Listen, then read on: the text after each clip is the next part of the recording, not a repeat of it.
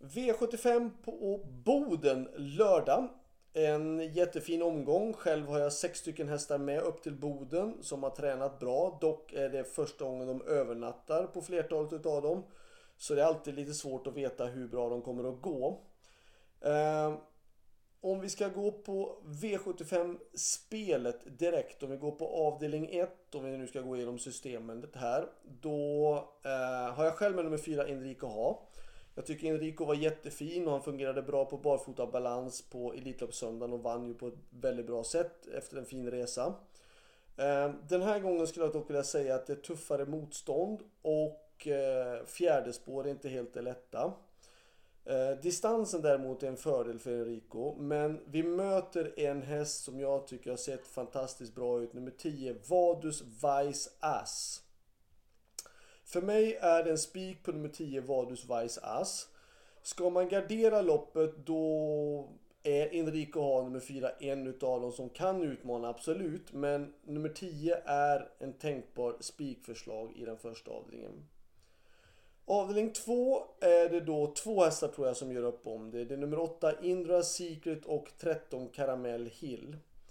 Um, det man bör tänka på tycker jag i den här avdelningen det är den att eh, för två starter sen då möttes Caramel Hill och Indra Secret. Då stod jag 20 meter före eh, och vann. För en förra starten, en start sen, då möttes också Caramel Hill och Indra Secret och då hade jag framspår och Indra Secret bakspår i finalen.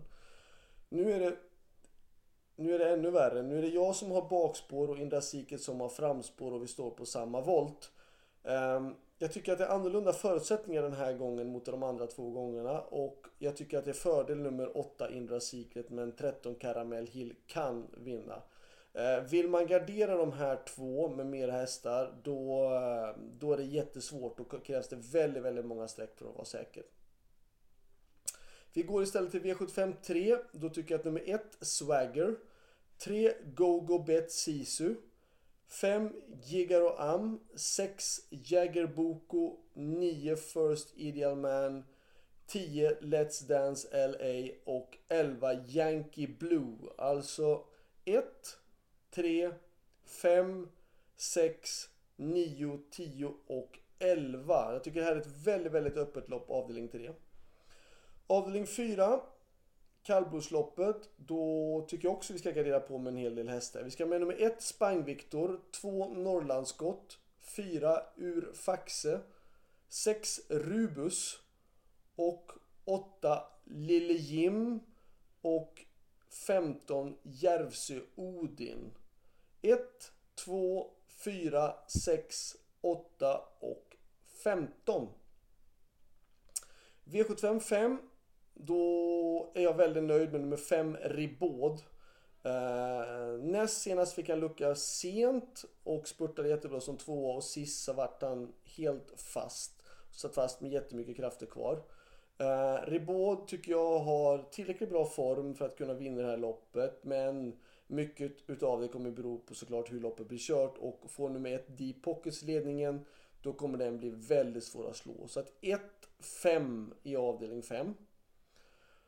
Avdelning 6, då har jag valt att spika min egna nummer 2 Giant Shadow. Jag tycker han eh, gjorde en jättebra final och eh, gjorde ett bra lopp då.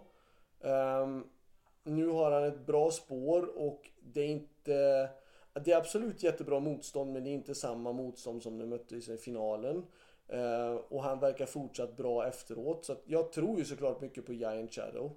Och jag tycker att han är uh, den näst bästa spiken i omgången. Jag tycker ändå att den bästa spiken i omgången är den första avdelningen, Kontios häst. Um, som var med i den första avdelningen. Men jag tycker att det här är den näst bästa spiken i sådana fall. Avdelning 6, nummer 2, Giant Shadow. Avdelning 7 som är Guldvisionen och Norrbottens stora pris. Um, två Antonio Tabak var ju oerhört imponerande senast. Eh, normalt sett skulle jag inte tro på honom men med tanke på hur han gick senast så måste han ju med på kupongen och vilken tid han gjorde. 3 Make the Mark vet vi är en jättebra häst och eh, en Elitloppshäst. 6 Drimo kanske ett lyxstreck. Absolut, men hästen har bra form. Likadant nummer 7, Sanja Bi. Sanja känns jättefin i träningen. Hon har tränat väldigt bra inför det här och hon har, det är en otroligt snabb häst. Och hon kommer nu gå barfota runt om. Dock tycker jag både Drimoko och Sanja B är kraftigt missgynnade att ha så långt ut på startvingen. Och sen då självklart nummer 10 Million Dollar Rhyme som är en fantastisk häst och han är ju en Elitloppshäst. Så att, eh, och han är jättekapabel. Och det är aviserat barfota runt om. Ehm, så ska jag ranka loppet så säger jag 3, 10, 2, 6, 7 ska jag göra då. Slutsummering. Eh, bästa spiken tycker jag är då i den första avdelningen. Eh, nummer 10, Vadus Vice Ass, Jorma Kontio och Timo Nurmos. Bästa chansen tycker jag då självklart de två jag tycker som absolut utav mina, om man nu ska säga så, som ska sträckas. Och då tycker jag att det är eh, i den femte avdelningen nummer 5 Ribaud och i den sjätte avdelningen nummer 2 Giant Shadow. Det är vad jag tycker är intressantast. Sen varningar utöver de jag har nämnt tycker jag att det är jättesvårt. För jag tycker det är öppet bakom. Jag tycker V751 då jag självklart nummer 4 Enrico ha. V75 2 ska man då gardera med ytterligare någon. Då kan man nästan tänka sig att kasta pil. Kanske den här Fyra Lupin Håleryd som är gynnad av att nummer 3 Idun Lär är struken. Det blir ju klart mycket bättre. Det skulle kunna vara intressant. Plus att det är barfota runt om på Fyra Lupin Håleryd. Eh, V75 3 jag vet inte vem jag ska plocka med mer än de jag har. Um, ska man säga att det är barfota runt om på nummer två Greenwich. Den är bara fyra år. Uh, barfota runt om. Skulle kunna vara intressant men jag tycker att det är ett långskott. V75 4. Finns liksom inga...